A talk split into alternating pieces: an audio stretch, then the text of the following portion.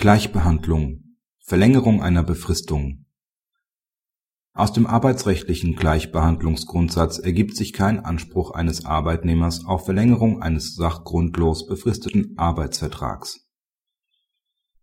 Der Arbeitgeber stellt den Arbeitnehmer auf der Grundlage eines befristeten Arbeitsvertrags ohne Sachgrund nach § 14 Absatz 2 Teilzeit und Befristungsgesetz als Mitarbeiter im Außendienst ein Gleichzeitig schließt er mit 18 weiteren Mitarbeitern vergleichbare befristete Verträge.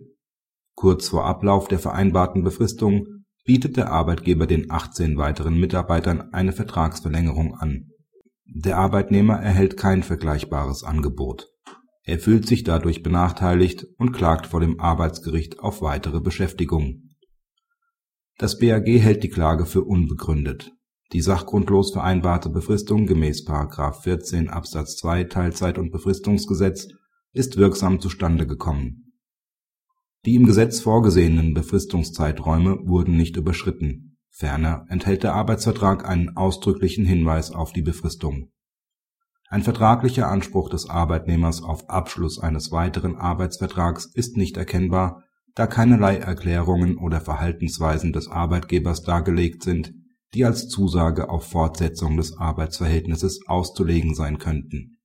Aus dem Umstand, dass der Arbeitgeber den anderen Beschäftigten, nicht aber dem Arbeitnehmer, Verlängerungsangebote gemacht hat, ist vielmehr die eindeutige Absicht des Arbeitgebers zu schließen, das Arbeitsverhältnis mit dem Arbeitnehmer nicht fortsetzen zu wollen.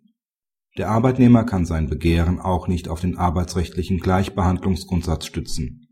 Der Gleichbehandlungsgrundsatz ist jedenfalls nicht anwendbar wenn es um eine Verlängerung eines sachgrundlos befristeten Arbeitsvertrags geht.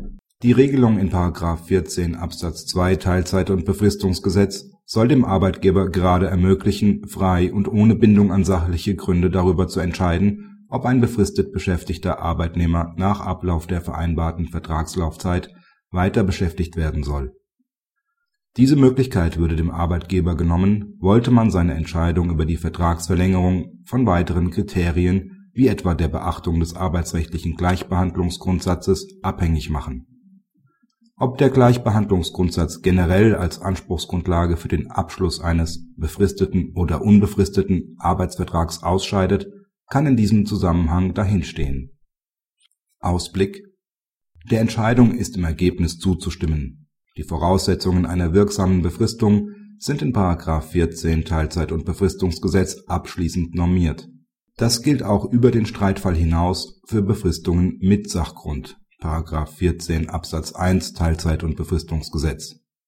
Es wäre letztlich eine unzumutbare Einschränkung der unternehmerischen Freiheit, dem Arbeitgeber über die Hintertür des arbeitsrechtlichen Gleichbehandlungsgrundsatzes zusätzliche Hürden hinsichtlich der vereinbarten Beschäftigungsdauer aufzubauen.